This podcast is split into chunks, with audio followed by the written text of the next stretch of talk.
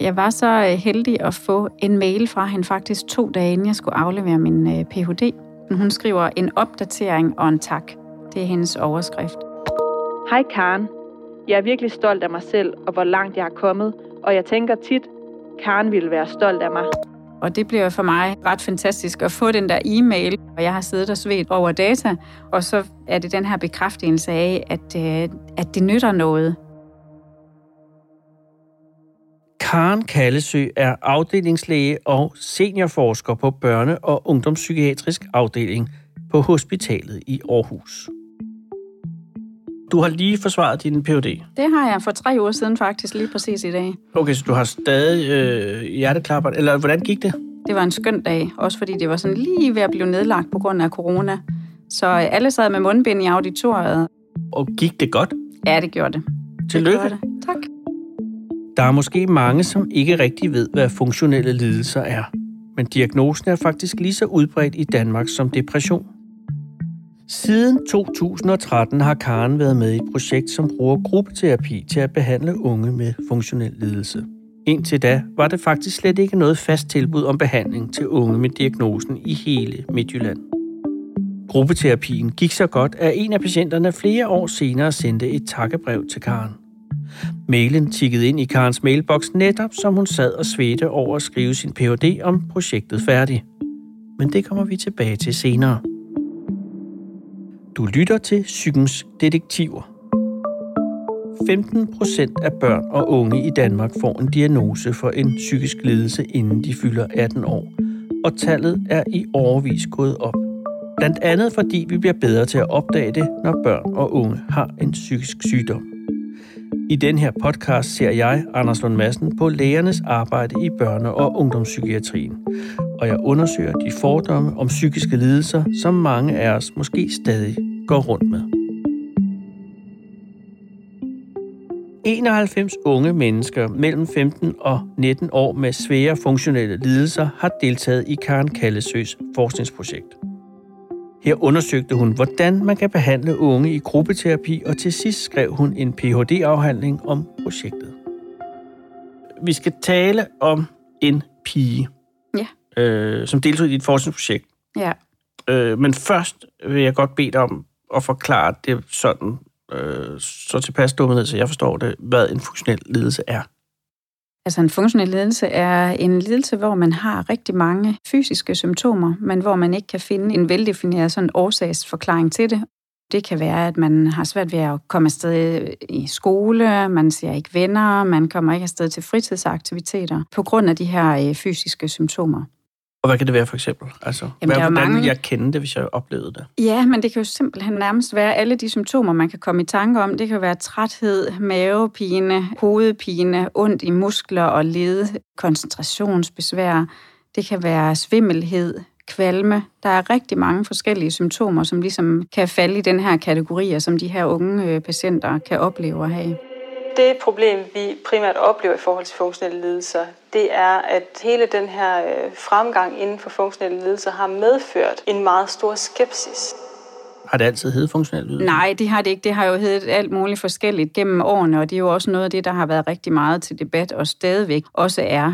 Men derfor har Sundhedsstyrelsen jo også været inde i en proces, for at man ligesom også på tværs af landet begynder at bruge det samme sprog for det også, sådan så at man ikke bliver forvirret over, at det i, i nogle sammenhænge kan hedde nogle bestemte ting, for eksempel fibromyalgi eller kronisk træthedssyndrom, øh, eller irritabel øh, tyktarm, og så i andre sammenhænge hedder, hedder noget andet.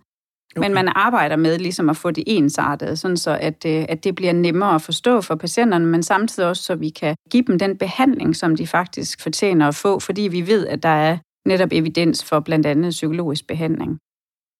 Og en af de her patienter, som er med i dit projekt, er Ja. en, en ung kvinde. Ja. Og dem er der garanteret nogen af, kunne jeg forestille mig. Men hende her, som jeg gerne vil høre om. Ja. kan du forklare eller fortælle, hvad der sker første gang, du møder hende? Jeg møder Sofie første gang til en rådgivende samtale. Sofie øh, er til den her rådgivende samtale som sådan en forberedelse til at skulle i gruppebehandling. Hun er en, en slank, køn ung kvinde, som er velsoigneret, har gjort noget ud af sig selv, ingen tvivl om det. Sidder der og er øh, rigtig meget til stede, god øjenkontakt, vil rigtig gerne også dialogen og snakke omkring, hvordan hun har det, og er nysgerrig på det, hun ligesom står i nu. Og samtidig så sidder hun der og har det ikke særlig godt. Altså jeg kan godt se på hende, at det er svært for hende at være der, og hun har mange symptomer. Hun er en ung kvinde i øh, slutningen af teenageårene. Hun øh, har ikke været i skole rigtig længe, i flere år faktisk, og ligger derhjemme primært, er rigtig træt, har ondt i hovedet, ondt øh, rigtig mange steder i kroppen, og kan ikke øh, rigtig foretage sig noget. Hun bor hjemme hos sine forældre, kan ikke øh, gøre noget i hverdagen, ser ikke rigtig venner. Hun fortæller jo om alle de her symptomer, hun har fra hele hendes krop, og hun fortæller om det her ungdomsliv, hun har, som ikke er til stede. Hun fortæller også om, hvordan det er at ligge derhjemme og ikke kunne noget, og ikke at ture drømme om noget. Fordi jamen, når man ligger derhjemme, og man ikke engang magter at hjælpe med almindelige huslige pligter, så bliver det svært at drømme om en fremtid også. For mig er det også rigtig vigtigt, når jeg sidder med både Sofie, men også med andre unge, og fortælle dem, at jeg 100% tror på, hvad det er, de siger, og på, hvad det er, de oplever, og at det skal de slet ikke være i tvivl om. Det har de jo ofte oplevet mange gange i sundhedsvæsenet, at de har haft en oplevelse af, at jamen, nu har vi lavet alle de her undersøgelser, der er ikke noget i vejen med dig. Men jeg er slet ikke i tvivl om, at der er noget i vejen, og at de sidder ikke hos mig for sjov. De sidder hos mig, fordi de har brug for hjælp.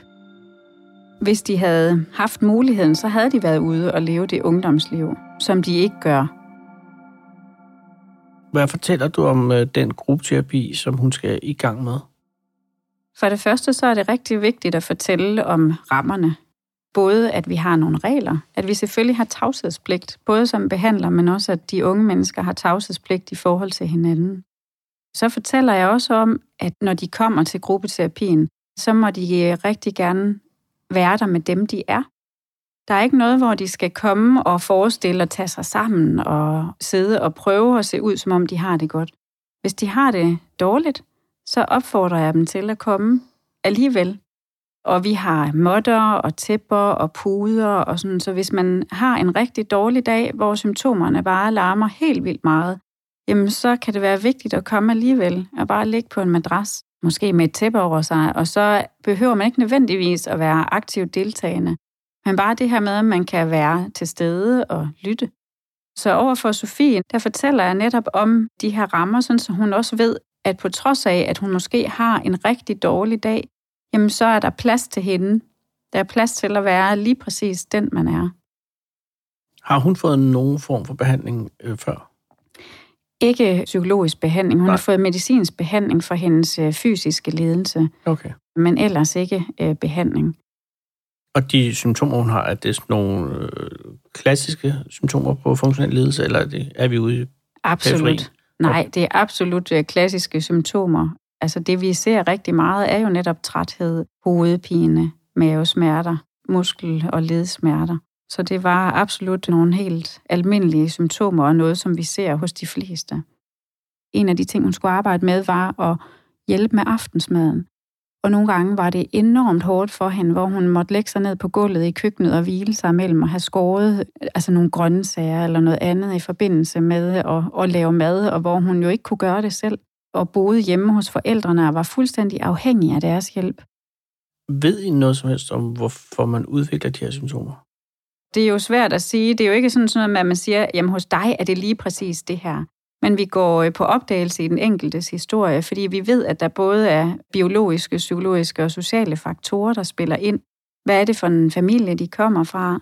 Er der nogle faktorer der, der kan spille ind? Kan der være noget genetisk, altså nogen i deres familie, der også har nogle lignende symptomer? Har der været nogle belastninger i løbet af deres opvækst? Har der været nogle fysiske sygdomme, de har haft, som har kunne spille ind? Men det er jo ikke sådan, så vi kan gå ind og sige, at det er lige præcis det der, 100 procent, så er det den ting, der har gjort det. Men der er ofte mange ting, som spiller ind hos den enkelte. Men nu, du, du er jo psykiater, altså mm. børne- og psykiater. Ja. Øh, og alt det her, det er jo fysiske symptomer. Ja. Øh, så hvad pokker gør du som psykiater i det? Det her, det er jo ikke enten fysisk eller psykisk. Altså den her dualisme, som vi har en tradition for egentlig at dele alle mulige lidelser op i, den tænker jeg sådan set er en meget kunstig opdeling. Vi kan blive nødt til at kigge meget mere nuanceret på det. Så der kommer koblingen i forhold til at håndtere de fysiske symptomer, fordi vi ved, at de også kan mindskes, og at funktionsniveauet kan bedres ved psykologisk behandling. Det værste er, at du får det der stempel med den diagnose der, fordi så betyder det, at du ikke bliver ordentligt undersøgt, og når du ikke bliver ordentligt undersøgt, så får du ikke de rigtige diagnoser, så bliver du behandlet psykiatrisk, og den psykiatriske behandling, det ved man, det virker ikke. Der er jo mange, især også sådan nogle øh, forskellige patientforeninger, som virkelig ikke kan lide betegnelsen funktionel ledelse, fordi det er ligesom ja. at sige, at det er det samme som at sige, at øh, vi kan ikke finde ud af, hvad der er rigtig galt, så nu kalder vi det det her. Hvad er din holdning til den holdning? Helt overordnet set, så synes jeg, det er ærgerligt, at vi skal bruge energien på at diskutere, hvad det skal hedde, og være uenige i betegnelser. Fordi helt grundlæggende, så er vores fornemmeste opgave, det er at hjælpe de her unge mennesker til at få et bedre liv. Årsagen til, at vi arbejder på det her med at få en betegnelse, er for netop, at man ikke skal diskutere i alle mulige retninger. Og ikke at diskutere rundt i sundhedsvæsenet, hvor er det, de hører til henne, eller hvad er det overhovedet, det her det drejer sig om. Og så man får den samme diagnose på tværs af afdelinger. Men det er bare, når det dækker også mange forskellige funktionelle lidelser, altså mange symptomer forskellige, altså du ja. kan have piskesmæld, og du kan have tyktarm og alt muligt, så kan det jo godt lyde som sådan en lidt skraldspandsbetegnelse for det hele. Ligesom jeg har, jeg har en søn, som har øh, GUA, som jo er general udviklings forstyrrelse, andet. komma andet, mm. som jo også er sådan en til, ja, hvad fedt. Altså, ligesom, der kan funktionel ledelse også godt lyde lidt i den retning, som man siger, fuck it, nu, nu giver vi den en, en, en samlebetegnelse, så vi kan komme videre. Er det det, man har gjort? Nej, det er jo, øh, hvad skal man sige, det er jo empirisk øh, baseret. baseret. Der er jo lavet forskning på og kigget på, at der er forskellige, det man kalder for symptomklostres, hvor, øh, hvor de ofte grupperer sig i. Så det er sådan set ikke nogen skraldespandsdiagnose. Overhovedet ikke. Det er jo noget, hvor man netop har kigget på data og set, jamen det her det er noget, hvor der er baggrund for at dele det ind i de her grupper. Og funktionel ledelse, det kan også deles ind i undergrupper, alt afhængig af, hvilke symptomer det er, man har. Men så er der også nogen, der siger, at det stigmatiserer dem, fordi at de har fysiske symptomer, men så bliver det rubriceret som, det er nok lige bare et eller andet psykisk. Ja. Er det rimeligt at, at, at føle sig stigmatiseret? Jeg synes, det er rigtig ærgerligt, fordi det jo handler jo egentlig om at give den hjælp, der ligesom skal til. Den her stigmatisering, det handler sådan set ikke om at sige, at det her det er psykiske lidelser, men den her diskussion, altså jeg kan nogle gange undre mig over, hvorfor, hvorfor skal vi diskutere det? Altså, menneskekroppen er meget mere kompleks end det. Og set fra min stol, så giver det bare ikke mening at lave den diskussion, for det, der handler om, det er jo sådan set, at når vi også ser de her unge mennesker, så kan vi jo se, at der er mange faktorer, der spiller ind, og vi kan blive nødt til at kigge på alle faktorerne på én gang, fordi at det er der, vi skal ligesom sætte ind også i forhold til behandlingen. Hvorfor tror du, der er de fordomme? Det er et rigtig godt spørgsmål, Anders. Det er det godt nok. Men er det fordi, at der er et hierarki inden for sygdommen? Det er der jo rigtig meget. Altså, der er jo noget, som øh, er, hvad skal man sige, finere og fejle. Jeg vil så også sige, at nogle gange så er det også sådan, så jeg tænker, at det er faktisk rigtig svært at være patient i det her. For det er meget nemmere at forstå noget, som er lige ud af landevejen, hvor du kan få en helt detaljeret beskrivelse af, det er lige præcis det her, der sker inde i din krop. Vi ved lige præcis, det er sådan og sådan, og det er kun én måde, det her det kan ske på. Det tror jeg faktisk er rigtig svært som patient. At det er det her med, at det er svært også selv at gå ud i verden og sige, hvad er det, jeg fejler? Og hvis vi taler om hierarki inden for sygdom, så ligger funktionelle lidelser vel absolut ikke i toppen, vel? Det gør det nok ikke, men det er jo det, vi rigtig gerne skal arbejde på, at det her ikke fordi det er noget, der skal være fedt at have, men det skal være noget, hvor man ved, at det her, der kan man få hjælp, og der kan man hjælpes til ikke at have det mere. Men også i forhold til, til den her pige, vi taler om, så kan jeg forstå, at hun også har oplevet noget mistroiskhed over for de andre behandlere, hun har talt med. Er det noget, du taler med hende om? Ja, altså sådan er det jo ofte ved de unge patienter, vi ser. Det er jo den her med at få fortalt, at jamen, der er ikke noget i vejen. Når vi tager alle de her blodprøver, der er simpelthen ikke noget i vejen med dig. Vi kan ikke, øh, vi kan ikke finde årsagen til, at du har alle de her symptomer det afhænger jo meget af, hvilke læger er det, man lige kommer til, og kender de noget til funktionelle lidelser, og kender til også, at der faktisk er behandling, der virker på det.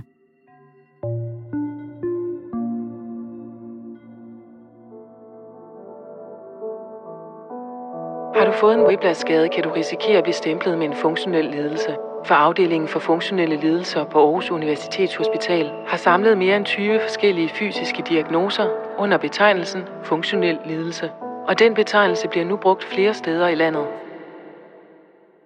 Dem, som har funktionelle lidelser, må jo også være klar over, altså medmindre de lever fuldstændig i en glasklokke, at, at der er debat om deres lidelse, og at nogen ikke anser den for at være en særlig lødig lidelse. Er det noget, du taler med dem om, om, om det, som de også skal udholde ud oven i alt andet? På nettet, der ligger der rigtig meget, som ikke er lødig information. Og det kan være rigtig svært at skelne imellem, når man er 17 år gammel. Hvad er egentlig noget, som er validt, noget, som er forskningsbaseret, noget, hvor vi ved, at det her det er den rigtige information, og hvor er det, man finder alt muligt andet, som faktisk er endnu mere med til at stigmatisere de her patienter. Hvordan har hele den her debat haft indvirkning på dit forskningsprojekt? Den havde indvirkning nok primært i starten af forskningsprojektet, hvor øh, der op til en sommerferie faktisk blev søgt om øh, indsigt, ikke både i min, men også andre forskers personalemapper. Sådan de der personlige ting. Og samtidig med, så var det jo en periode, hvor der også var demonstrationer ude foran afdelingen. Der kom øh, telefonstorm fra en eller anden kinesisk robot, som der også var nogen, der havde betalt til at ringe til afdelingen hver tredje sekund. Så der var lige et par dage, hvor der ikke var telefonkontakt til afdelingen. Så der var sådan nogle ting, man skal i hvert fald vide, at det kan være debatskabende, og man skal kunne have brede skuldre nok til også at bære, at der er nogen, der ikke synes, at det er fedt, at der bliver forsket i det. Og hvor kommer alt det herfra? Jamen, det kommer jo fra, altså vi har jo sådan overordnet, kalder det egentlig patientaktivister. Ikke nogen, der har været på afdelinger, ikke nogen, der har fået behandling, men nogen, der tænker anderledes om det. Mm. Ja. Wow. Ja, Nå ja, men så ved man, at man forsker i noget, der er spændende jo. det er jeg slet ikke i tvivl Nå, om, men jeg tænker jeg på, at der er nogen, der ikke... Ja. Der er nogle forskningsprojekter, hvor der ikke er nogen, der søger agtindsigt. Ja, det er rigtigt. Kan du lige at diskutere det stadig, når der står en for endnu en patientforening og råber dig ind i hovedet? Jeg vil sige, jeg kan rigtig godt lide debat, men det giver mening at have debat, når man kan tale nuanceret om det. Du må jo også som videnskabskvinde kunne sige, at det her er simpelthen faktuelt ikke rigtigt, det du siger. Ja, og når man ikke kan nå igennem med det, hvor går man så hen? Du går i gang med den her gruppeterapi øh, med den unge pige, og den allerførste øh, seance, samtale, hvordan foregår det sådan rent praktisk? Der er en, øh, en psykolog, og så er der mig. Og øh, der er otte unge mennesker i den her gruppe. De her unge mennesker bliver jo budt ind i det her sådan store rum, hvor vi øh, sidder rundt om et bord. Det er med store vinduer ud til, og man kan nogle gange, hvis man åbner vinduet, så kan man høre larmen fra en af de store øh, befærdede gader i Aarhus. De her unge mennesker kommer ind i lokalet og har selvfølgelig den her usikkerhed med, hvor er det, jeg er henne, og hvor kan jeg sætte mig henne, og sådan lige skal justere sig ind i lokalet. De sætter sig, og vi går igennem både øh, regler igen, fordi det er netop også for at, skabe den her tryghed og sige, det her, det, det er reglerne her, og I kan være her med dem, I er. Jeg har sat mig for den ene bordende, og den anden terapeut faktisk for den anden bordende, for at vi ligesom kan hvad skal man sige, holde øje med de unge, fordi det er også et spørgsmål om, at vi ligesom har et overblik over, hvordan har de det, og er der nogen, vi skal være særlig opmærksomme på, fordi vi godt ved, at det faktisk kan være ret hårdt at møde op til sådan en, en gruppegang. Og hvad begynder du så? Hvad siger du så først? Det allerførste er jo simpelthen at sige velkommen, og hvor er jeg bare super glad for at se jer, og det har formentlig været en ret stor overvindelse for jer at komme her ind i dag, og det kommer vi til at høre lidt mere om, hvordan det har, har været for jer. Der er jo noget omkring ikke at bruge mobiltelefoner og komme til tiden og melde afbud, hvis det er, at man ikke kan komme. Der er jo flere forskellige ting, vi ligesom går igennem, og de altid er velkommen til at kontakte os, også mellem gruppegangene, hvis der er et eller andet, der fylder for dem. Udover dig og øh, psykologen, og så Sofie, hvem er det så ellers for, for nogle, hvad er det for en forsamling, vi har med at gøre? Så er der syv andre unge også, og det er jo unge, der er mellem 15 og 19 år gamle. Men de er jo alligevel vidt forskellige, og kommer med vidt forskellige baggrund, har alle sammen mange symptomer, men er ikke nødvendigvis plaget af det samme, som sådan er deres primære symptom. Generelt er der flere piger end drenge, som får en funktionel lidelse, men i Karens gruppeterapi er drengene endnu mere underrepræsenteret. Det er primært det er piger, der er i gruppen. Der er en enkelt dreng, og sådan har det været i mange af vores grupper faktisk. Hvad, hvad, hvad sker der så? Altså, hvad laver I? En af de øvelser, vi blandt andet laver, det er, hvor de skal tegne, hvad skal man sige, nærmest en kagemand af sig selv, altså en, et omrids af sig selv. Og så skal de simpelthen tegne på den her kagemand de symptomer, de har haft inden for de sidste 14 dage. Så der står jeg for eksempel som terapeut og læser op hovedpine, ondt i led, og sådan en lang række af symptomer læser det op, og så skriver de på imens, hvis det er noget, de ligesom kan genkende.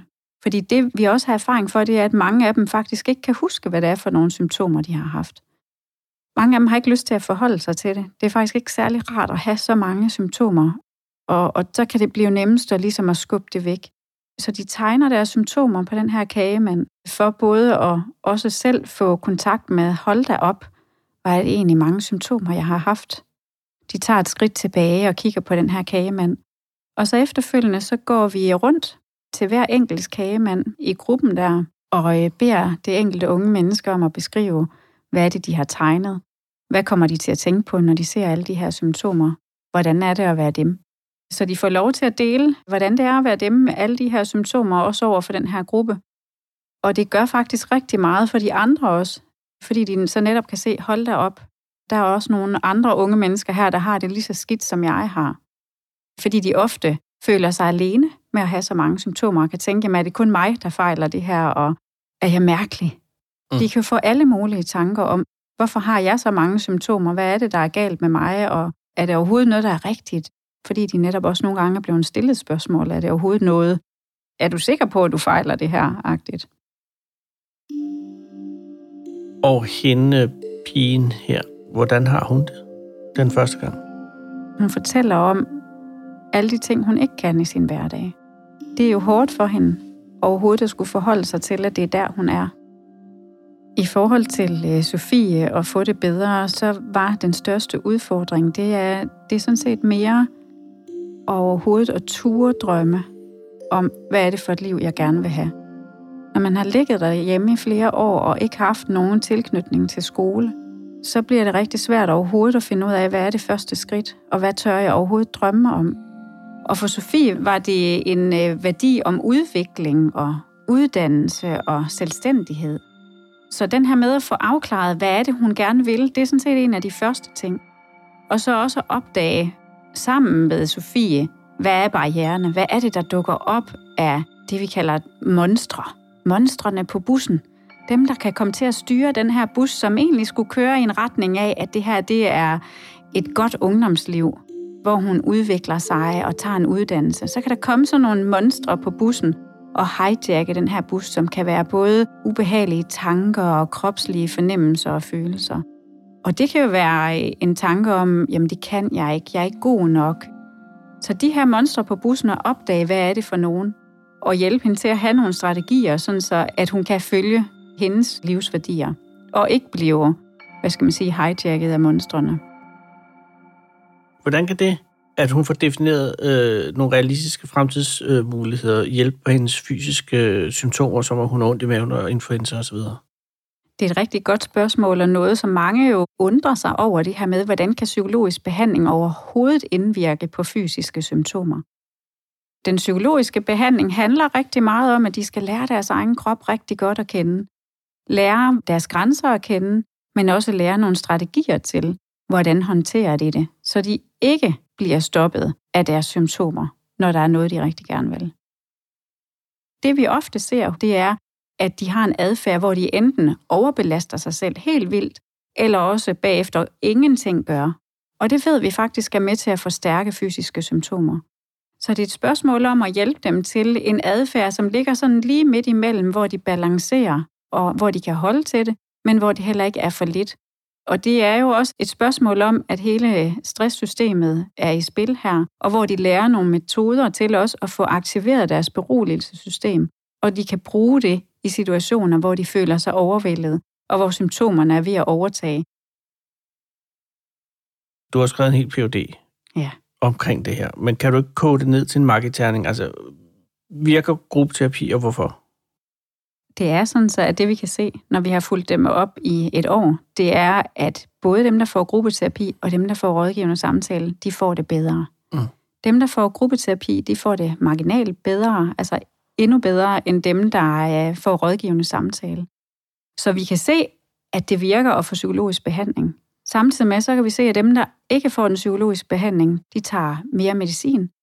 De har egentlig også fået psykologisk behandling bare ude i byen, og har oplevet det utrolig hårdt at skulle rundt og selv og søge efter alle mulige forskellige behandlingstiltag, der kan hjælpe dem. Så det vi overordnet kan se, det er, at det er vildt vigtigt, at vi tilbyder den her patientgruppe et standardiseret behandlingstilbud, så de ikke skal rundt og afsøge noget ude i byen.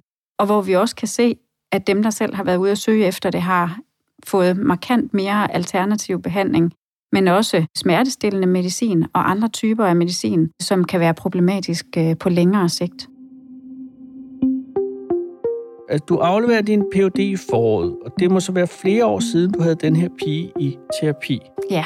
Men så finder du ud af, hvordan det er gået for hende siden. Hvad er det, der sker, mens du er ved at skrive din Ph.D. færdig?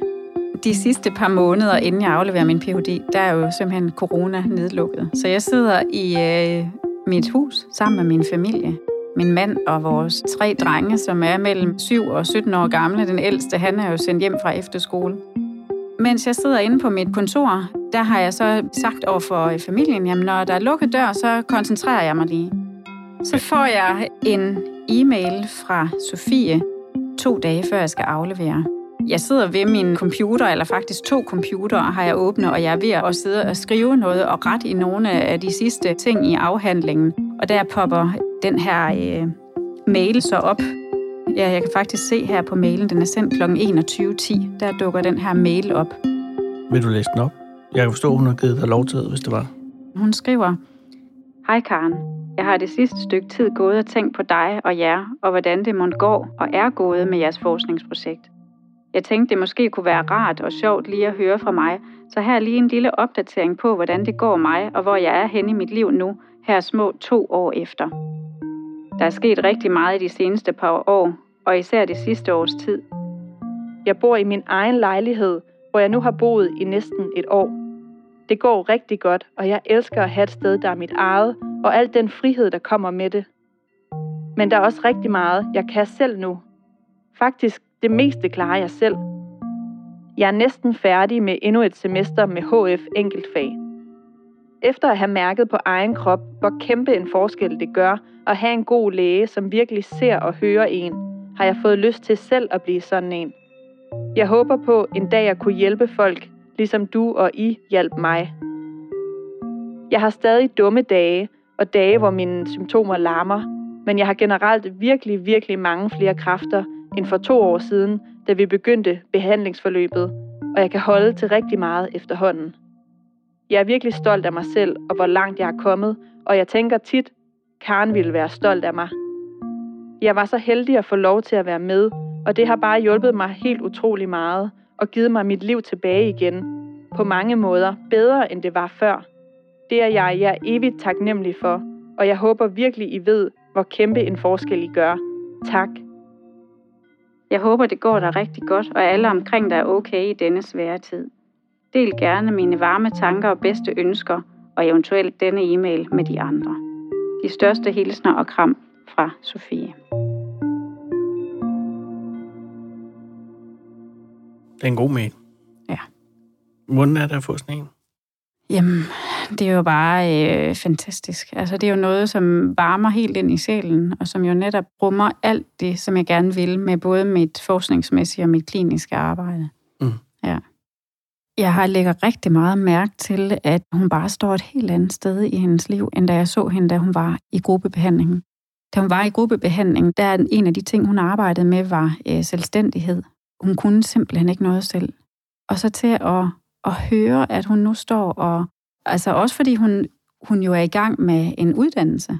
Det var en af de skridt, som hun øh, til afslutningen af gruppebehandlingen sagde, at det var det næste, hun ville. Det var at starte op på HF enkeltfag. Og nu at høre, at hun er på vej til at få en fuld HF, og hun bor alene, og hun har været ude at rejse alene, og sådan, altså det er... Um, så, så bliver jeg simpelthen bare så glad på hendes vegne. Altså, det er jo, det er jo kæmpe skridt, hun har taget. Det med at, at få lov til at være vidne til, at nogen går fra at have et meget begrænset liv, og et liv, som ikke er et, er et ungdomsliv, og så til at få en e-mail som det her, hvor man bare kan høre, at, at hun er på vej ud i verden, og er ude i verden, det er fantastisk. Hvornår ser du hende sidst? Faktisk så øh, var hun med til mit Ph.D.-forsvar, så der fik jeg lov til at se hende. Ha! ja. Der var hun øh, fuldstændig, jeg var lige ved at sige sig selv. Og jeg kunne også mærke, da jeg stod og fortalte om, om nogle af tingene under min forelæsning, og sådan den der med lige at få øjenkontakt med hende, så hun også vidste, at, at det her, og, og på en eller anden måde, så repræsenterer hun jo også alle de andre patienter, som jeg har haft i projektet. Det er jo patienterne, det bliver gjort for det her. Og der var hun der som, som den øh, repræsentant på en eller anden måde, som gjorde, at det her det bare var særligt specielt, fordi det øh, er dem, vi ønsker et bedre liv til.